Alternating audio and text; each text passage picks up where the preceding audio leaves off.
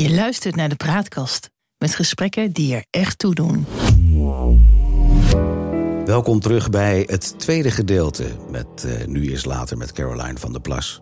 Je luistert naar praatkast.nl en uh, Caroline zit hier naast mij. We hadden het net bij het eerste gedeelte over uh, de 15-jarige leeftijd en levenservaring. En dan maak je me wel nieuwsgierig wat je dan eigenlijk nou, op die leeftijd zeg maar, eh, voor, voor dingen meegemaakt hebt. Behalve dat je zag dat de maatschappij veel breder in elkaar zat, dus dat je tot dan toe wist. Ja. Wat zijn nou, als je dat dan, dan even op een rijtje zet? Hè? Laten we even leeftijd 15, 20 zijn. Je werkt in een kroeg, je spijbelt wat van school, zoals je dat in het eerste gedeelte zei. Wat, wat, wat zijn dan voor jou de meest elementaire levenservaringen die je in die periode opgedaan hebt? Nou, kijk, omdat mijn ouders alle twee veel werkten, um, leefde ik, nou, en mijn broers denk ik ook, moesten wij vrij zelfstandig voor onszelf zorgen, zeg maar. Dus daar, nou ja, daar dat, leer je op een gegeven moment om jezelf uh, te redden. Zonder dat je constant uh, je ouders uh, als backup hebt. Die had ik natuurlijk wel als backup, altijd. Ik ben nooit in de steek gelaten of dat soort dingen. Maar wat je dan nu tegenwoordig, als ik het vergelijk met tegenwoordig, kinderen worden overal naartoe gebracht, worden heel veel in bescherming genomen. Eh, als er uh, tramland is op school, dan komt de ouder naar school en die gaat de leraar uh, uitschelden van ja, hun prinsje of prinsesje. Dat kan natuurlijk niet dat die. Ja, en vroeger was het gewoon zo, los het zelf maar op. Als ik ja. trammeland had op school, dan was het, ja, dan heb je gewoon wat verkeerd gedaan. Ja, eigen schuld, dikke bult. Ja. En ja, daar leer je gewoon best wel veel van. Um, nou ja, zeg ik uh, later, zeg maar, naar jong volwassenheid. Ik, kijk, ik was niet zo van het leren en het school en het studeren. Ik wilde gewoon, ik wilde heel graag voor mezelf zorgen. Ik wilde gewoon zorgen dat ik zelf een inkomen had, dat ik zelf mijn dingen kon bereiken zonder kruiwagens of wat dan ook. Hoe oud was je het huis uitgegaan dan? Ben je het huis uitgegaan? Um, ik ben de eerste keer um, toen ik denk 17 was, was ik, ben ik het huis uitgegaan. Ben ik op kamers gaan wonen in Deventer. Mm -hmm. Alleen? Uh, alleen. Ja. Um, dat was, bleek later een kamer te zijn die een huurder die ik kende uit de kroeg onderverhuurde aan mij. Maar dat wist ik niet. Ik dacht dat het allemaal gewoon zo geregeld was. Dus ja. uiteindelijk kwam de, de huurbaas daarachter en toen moest ik eruit natuurlijk. Toen, uh, dat was niet de bedoeling. Die jongen heeft nog heel veel trammeland gehad daarmee. Maar ja, eigen schuld, dikke beeld, zou ik ja. maar zeggen. Hij wist het. Hij wist dat. Ja. En uh, ja, toen had ik natuurlijk geen woonruimte meer. En toen moest ik gewoon weer terug naar mijn ouders. Ja. Dus en toen ben ik weer een tijdje thuis uh, blijven wonen. En toen ben ik, ik meen dat ik toen 21 was of zo. Toen had ik een baan uh, in Apeldoorn bij Wegenaar Uitgeverij, bij de Kabelkrant. Hoe ben je eruit gekomen dan? Want je hebt alleen je HAVO-diploma gehaald toen? Ja, en ja. wie had toen voldoende vertrouwen in jou om, om dan bij Wegener te werken? Ja, kijk, ik zei zonder kruiwagen. Kijk, mijn vader werkte natuurlijk voor Wegener. En, maar ik liep daar ook heel lang al rond op de redactie. Ik schreef wel eens wat stukjes hè, bij mijn vader op de redactie. Dat vond ik leuk om te doen. Dus de mensen. Dus het was wel een soort kruiwagen. Ja, kijk, het is niet dat mijn vader heeft gezegd: neem mijn dochter aan. Nee, maar jullie ik rond. Heb, ik heb wel zelf gesolliciteerd, maar die mensen kenden mij al jaren natuurlijk, doordat ik daar rondliep. Die wisten dat ik uit een goed journalistiek nest kwam. Ja. En uh, toen bij de kabelkrant, dat is zeg maar een soort van parttime uh, baan. Was op begin, uh, toen ik daar begon, was het 28 uur in de week. Mhm. Mm -hmm. En kijk, en als je eenmaal aan het werk gaat, dan zien mensen vanzelf wel of je kwaliteit hebt of niet. Hè? Je moet je wel ja. gewoon zelf bewijzen. Als ik gewoon een slechte werknemer was of ik schreef allemaal baggerstukjes, ja, dan was ik ook snel weer uitgegooid. Um, maar goed, dat was voor mij wel de kans om mij te bewijzen. Ja. En zo ben ik ook doorgestroomd. Hè. Ik heb een paar jaar kabelkrant gedaan. En toen, heb ik, toen kwam het Gelders Dagblad. En toen heb ik gesolliciteerd. En dat was gewoon een interne sollicitatie. Mm -hmm. Um, maar toen ik daar wegging, en dan praat ik over 1993, en bij het Gelders Dagblad wegging, toen had ik mijn uh, toenmalige man. Ik, ben, ik heb twee huwelijken gehad. Ja. Dus mijn eerste man was ik tegengekomen, die kwam uit Zaandam, uit de Zaanstreek. En toen heb ik mijn baan opgezegd bij het Gelders Dagblad zonder dat ik wat nieuws had. En toen moest ik daar natuurlijk weer opnieuw solliciteren. En waarom uh, zei je op dan? Wat zeg je? Waarom heb je opgezegd dan? Nou, deels omdat ik het werk als sportjournalist niet leuk vond. Oh, dat was waar we het ja. bij, deel 1 En ik was verliefd. Oh. Dus ik wilde gaan samenwonen. Je ging gewoon de liefde achterna. Ik ging de liefde ja. achterna. Ja. Maar kijk, en dan heb je natuurlijk, dan moet je, dan heb je geen kruiwagen meer in de zin van een vader die op een redactie woont. Want in Noord-Holland weet niemand wie Wiel van de Plas is. Nee. Eh, eh, dus dan moet je weer zelf solliciteren. Dat is uiteindelijk gelukt, want ik had natuurlijk al wel wat ervaring, hè, een paar jaar ervaring op redacties. Ehm, dus daar ben ik weer aan het werk gegaan, ook weer bij een kabelkrant. Ik heb ook nog een tijdje als eh, freelancer wat stukjes geschreven voor het Noord-Hollands Dagblad. Mhm. Ehm, maar ja, dan moet je het verder zelf doen. Maar kijk, ik heb mijn leven wel als journalist... ben ik er wel tegen aangelopen... dat omdat ik geen journalistieke opleiding had... dat als je ging verder wilde solliciteren... van regionale kranten naar landelijke media bijvoorbeeld... of dat je op een redactie van een, een nieuwsprogramma wilde werken... eh, bij nou welke omroep dan ook was het wel wat lastiger. Want die hadden gewoon als harde eis staan school voor journalistiek. Ik ben heel veel afgewezen op sollicitaties... omdat ik geen school journalistiek had. Ja. En dat, dat vond ik toen wel jammer. Toen dacht ik, ja... Als je daar nu op terugkijkt, vind je, vind je dat, daar, dat daar met recht zo, zo rigide mee omgegaan wordt? Of zeg je van, joh, als je 30, 35 plus bent... dan, dan maakt die school voor de journalistiek ook niet meer zoveel uit? Nee, nee, kijk, eh, waar ik over praat is dan zeg maar tussen mijn 25ste en mijn 30ste. Ja, dat, dat vind ik wel. Ik kijk wel, zelf ja. helemaal zo niet. Hè. Voor mij moeten mensen gewoon goed zijn in hun werk. En ehm, ik, daar vind ik wel dat daar inderdaad heel rigide naar gekeken wordt. Terwijl ik heel vaak dacht van, weet je, als je mij aanneemt... ik ben gewoon hartstikke goed in mijn werk. Geef mij die kans, weet je wel. Ja, ja. En ehm, eh, dus als ik sollicitanten nu krijg, dan uh, natuurlijk, eh, we kijken wel, we vragen wel een bepaalde opleiding, maar meer dat je hè, het werk- en denkniveau hebt. Dan, Mhm. Of je dan net dat ene certificaatje niet hebt gehaald, ja, dat. Het gaat mij erom van hoe zijn mensen, hoe komen ze over, wat hebben ze gedaan? Weet je, hebben ze in hun leven ook eh, allerlei baantjes gehad hè, om Ja. in eigen inkomen te voorzien. Zo kun je zien of iemand ja, zeg maar, ja, goed in het leven staat. Hè, en dus niet direct van school afkomt. Ik heb mijn diploma en nu kan ik aan het werk. Ja. Want je moet toch ook, nou dat zeg ik, toch ook een soort van eerste levenservaring eh, hebben. En dan is het gewoon de taak van degene die ik dan nu hè, op dit moment eh, aanneem, bijvoorbeeld als beleidsmedewerkers, die moeten zich gewoon wel bewijzen. En dan zie je Ja. wel heel snel of iemand het kan of niet. Of die het eh, in Ja. zich heeft. Ja, Er is ergens een, een, een, een fase in jouw leven geweest als eh, journalist, zeg maar, dat je in aanraking kwam met het, het, het boerenbedrijfsleven, om het zo te mogen uitdrukken. W- wanneer was dat, was dat key moment? Dat was in 2004. Toen ehm, zag ik een advertentie in het, eh, het blad De Journalist. Dat was het vakblad voor journalisten. Mhm. En dat was een advertentie van eh Read Business uitgeverij. En die zochten een vakredacteur voor een blad wat schreef over de vlees- en maaltijdenindustrie. Dat heette, het blad heette Meat and Meal. Ja. En toen dacht ik, hé, hey, dat is misschien ook wel eens een keer leuk, want ik heb nog nooit voor een vakblad geschreven. Dus dat leek me eigenlijk ook wel leuk. Read Business was natuurlijk een, een, nou ja, een uitgever van naam. Mhm.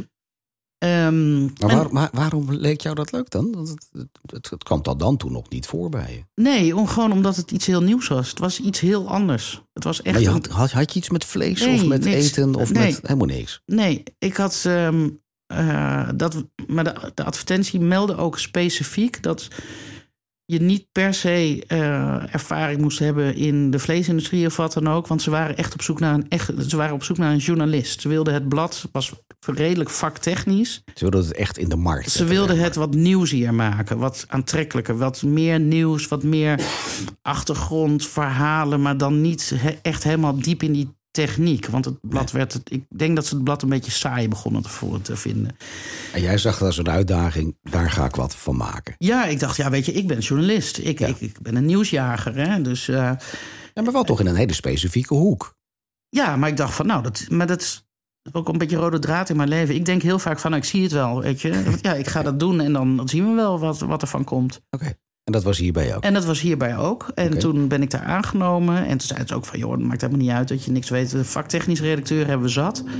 En ehm, toen ben ik dat gaan doen. En ja, dat was gewoon een hartstikke leuke baan. En ja, ik, ik begon meer te schrijven. Ook wel bedrijfsreportages hoor. Maar ook meer over ehm, economie, zeg maar. Hè? Bedoel, ehm, maar ook over bijvoorbeeld dierenactivisme, wat eh, heel erg in opkomst uh, was. Dus eigenlijk heel andere onderwerpen, maar wel onderwerpen waar, waar de vleessector, zat. Ja. ja. waar die vleessector wel mee te maken had. Ja. En, en, en, dan ergens in die, in die tijdlijn eh, kwam je Wim Groot-Koerkamp en Henk Vermeer tegen. Dat waren beide van marketingbureau Remarkable. Wat was die link toen? Wat, wat, waar kende je ze van, zeg maar?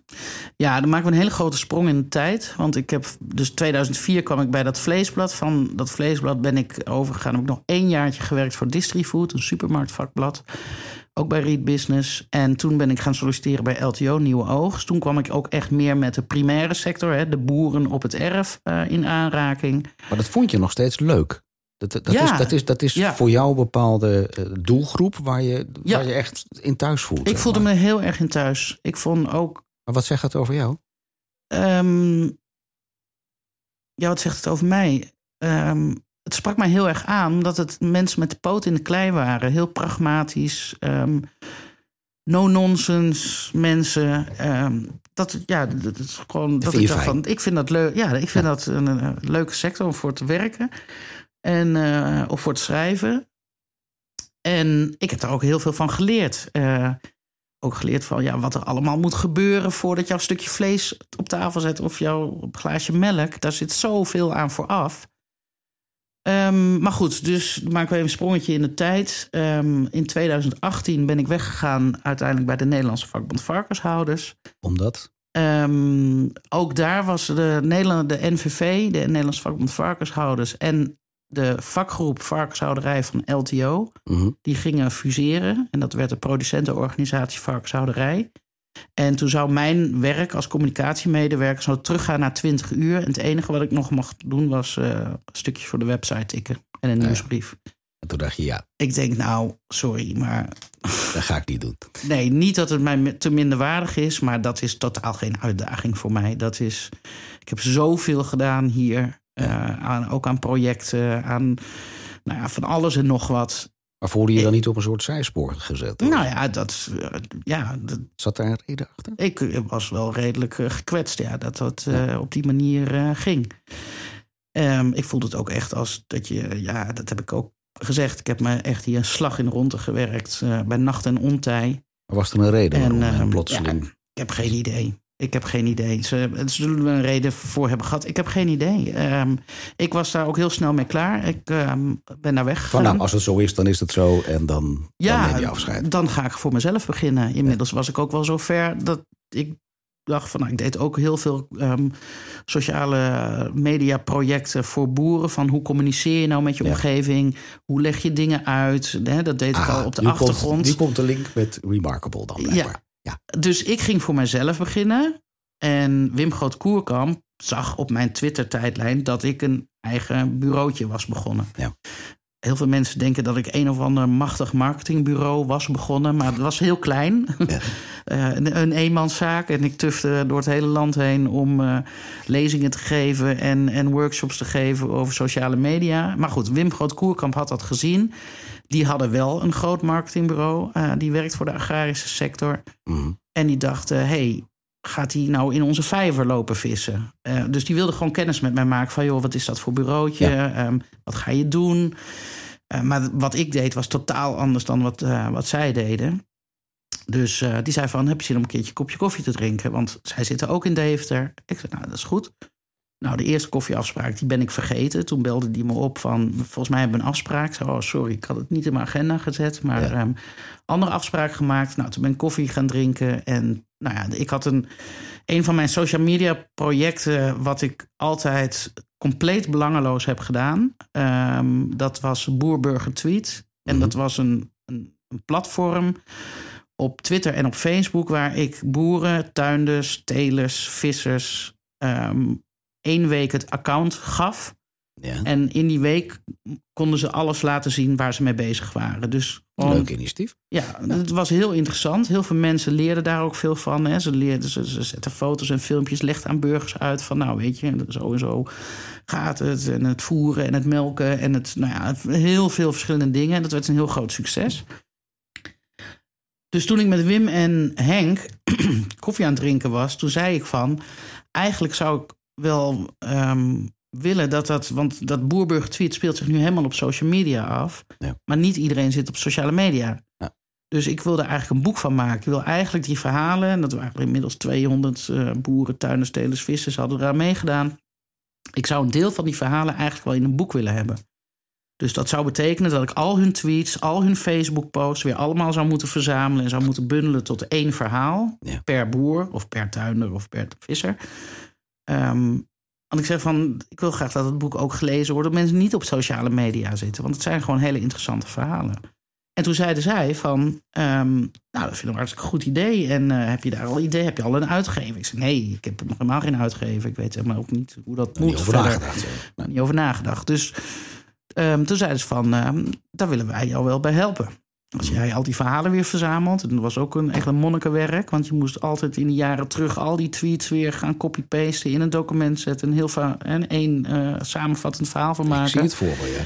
En, eh, maar goed, dat is leuk, want dat vind ik ook leuk om te doen natuurlijk. En, ehm, en zij zouden zorgen voor de samenstelling eh, van, het, van het boek. En dus dat, is eigenlijk, dat was eigenlijk de bedoeling. En we hadden natuurlijk wekelijks of twee wekelijks hadden we overleg over de voortgang van het boek. Wat moet er nog gebeuren? Moeten er nog foto's worden gemaakt? Ja, en toen waren we vaak aan het praten over van... ja, weet je, nu komt er zo'n boek en dat is allemaal hartstikke leuk en mooi... Maar Eh, maar eh, politiek gezien verandert er in Den Haag nog steeds niet veel. Hè? Ehm, ook wat platteland betreft, zo, we waren gewoon een beetje zo aan het, eh, aan het praten met elkaar. En toen, Maar dan moet ik me voorstellen dat jullie aan een soort vergadertafel zitten, zoals we nu hier zitten, zeg maar. Ja. Waar jullie lekker zitten te brainstormen. Ja. En, en, en daar is eigenlijk aan het Ja. zaadje ontstaan voor, voor de BBB. uiteindelijk zeiden we tegen elkaar van ja, weet je, dan, maar dan moeten we gewoon zelf de politiek ingaan. Weet je, dan moet je zelf een partij oprichten. Nou, ik heb in 2015 heb ik al een keer had ik al het idee om zeg maar iets te doen. Had ik al een domeinnaam geregistreerd, partij voor de boeren.eu. Ehm, Waarom kwam je met dat idee dan? Want dat was wel in 2015. Dat was wel veel eerder. Ja, omdat ik toen bij de Nederlandse vakbond varkenshouders werkte... en natuurlijk ook veel met politiek te maken had... en ook veel regelgeving op de sector af zag komen... maar zonder dat daar een verdienmodel aan vasthangt. Hè. Ik bedoel, je, alle, elke regel die jij oplegt, dat kost een boer geld. Hè. Die Ja. moet investeren. Maar zolang mensen in de supermarkt niet meer betalen... voor het stukje varkensvlees... Ja, dan gaat die kostprijs van die boer alleen maar eh, omhoog, terwijl die opbrengsprijs laag blijft. En Ja. dus in de politiek moet je ook goed nadenken van welke regel. Dat is niet alleen, geldt niet alleen voor boeren hoor, maar dat geldt ook voor MKB-bedrijven. Die klagen daar nu ook steen en benen over. Over al die regels, die bureaucratische regels. Ehm, terwijl de werkgeverslasten bijvoorbeeld niet worden verlaagd. Maar goed, dat is een ander verhaal. Ja, want ik, ik, ik zit er even bij. Want ik, ik, ik, in voorbereiding op dit interview... je bent ook last, lang lid geweest van het CDA... en daar ook actief voor geweest, toch? Ja, ik was eh, lid van het CDA, maar ehm, ik was niet heel actief lid. Ik, ben, ik heb me je wel gemeld. poli- poli- politiek actief. Want ik zit nog even het beeld Ja. dat jullie aan die vergadertafel zitten... en dat jullie eigenlijk het zaadje voor de BBB hebben. Maar eigenlijk was je stiekem toch al een beetje politiek actief bij het CDA toen. Ja, maar op dat moment had ik mijn lidmaatschap al opgezegd. Dat was al klaar. Ja. Maar je had wel enige ervaring binnen het politieke spectrum. Ik heb alleen maar op de lijst van de gemeenteraad gestaan. Nou ja, ik dat- heb politiek dat heb ik gezien- niet, dus ja. Nee, maar goed, dat was alleen maar een naam op een lijst. Ik heb meegeholpen met de campagne voeren. Mhm. Maar ik ben nooit fractieassistent of fractieondersteuner geweest. Of eh, nooit in het bestuur van het CDA gezeten. Ik, zou, eh, ik ging in 2007, wanneer was het? eh, gemeenteraadsverkiezingen? Hop, eh, 2017, ja. Ehm, eh, voor de gemeenteraad. Maar ik stond ook nog op een onverkiesbare plek. Dus de kans was niet heel groot dat ik in de raad zou komen. Het CDA verloor in Deventer ook nog. Die ging van drie naar twee zetels. Eh, Dat was overigens niet de reden dat ik het eh, lidmaatschap heb opgezegd. Want ik heb het lidmaatschap van een landelijke CDA opgezegd. Omdat zij eigenlijk steeds minder echt voor de landbouw en de tuinbouw en platteland opkwamen. Zo, en jij zo zag toen als journalist eigenlijk wat daar de gevolgen van waren. Je had Ja. de interviews en de gesprekken met allemaal Ja. mensen die in die sector zaten. Ja, Maar toen zaten jullie aan die vergadertafel. Ik blijf even terugkomen Ja. op die vergadertafel. En ik zit even te zoeken, wat was dat zaadje? Want ja, dan moeten we het zelf gaan doen. Ja, dat is natuurlijk een heel groot stuk of je bij een kop koffie of een glas wijn zegt... dat moeten we zelf gaan doen. Ja. En het ook daadwerkelijk doen. Nou, kijk, het, het, het zaadje was het boek. Het Boerburger, we noemden het het, boek, ja. het, het, het social media platform heette Boerburger Tweet. Het boek ging heten Het Boerburger Boek. Toen zeiden we eigenlijk tegen elkaar, ik sla het nu even heel plat, want zijn, Ja. we hebben wel meer gebrainstormd. Toen zeiden we op een gegeven moment tegen elkaar van, weet je, we, we doen, of we, de sector doet heel veel aan communicatie, aan voorlichting, aan lobby, aan belangenbehartiging, aan educatie. En nu komen wij weer met een boek. Maar het politiek gezien zie je toch weinig veranderen. De sector die kan zoveel al doen, maar het- blijft eigenlijk een beetje hetzelfde in Den Haag. Ja, als we echt willen dat er iets verandert, eh, dan, moet je het, dan moet je zelf die politieke agenda beïnvloeden. Dan moet je zelf dingen kunnen agenderen. Dan moet je zelf, eigenlijk komt het erop neer, dat je dan zelf een politieke partij moet oprichten. Als jij vindt dat andere partijen niet genoeg voor jou doen, dan moet je zelf een politieke partij oprichten. Je dacht, we leven in een democratie. Daar kan dat. Tuurlijk, iedereen in Nederland kan een politieke partij oprichten. Dus toen zeiden we eigenlijk tegen elkaar van nou, dan gaan we dat doen. Ja, Wim en Henk en ik waren gewoon de enige drie op dat moment. Ja. En eh, toen is dat eh, in gang gezet. En zei, nou, hoe gaan we dat dan doen? Ik zei, nou goed, ik ben heel erg van eh, blijf bij het. eh, weet je, ga niet meteen allerlei dingen tegelijk doen. We moeten eerst een partij oprichten, de vereniging. Ja, dan moeten we, en dan kunnen we uiteindelijk zeg maar ledenwerving gaan doen. We moeten eh, kandidaten gaan zoeken. We moeten een verkiezingsprogramma. En dat hebben we gewoon stapje voor stapje eigenlijk ehm, hebben we dat eh, gedaan. En Vanaf de start was Caroline degene die ook die kar ging trekken dan. Nou, we waren heel lang met z'n drieën. En ehm, Nou, Mijn- komt goed uit, want we moeten nu naar deel 3. Dus oh, we oké. sluiten hem even af. Ja, Dankjewel. En als, eh het is een leuke cliffhanger dit. ja. Als mensen meer willen weten hoe we nou verder eh, eigenlijk eh, de, de boer-burgerbeweging eh, ontstaan is, luister dan ook vooral zometeen naar deel 3 met Caroline van der Plas. Graag tot aan de andere kant. Nog meer koffie? ik heb nog. Je hebt nog. Oké, hou het hierbij. Ja. De praatkast.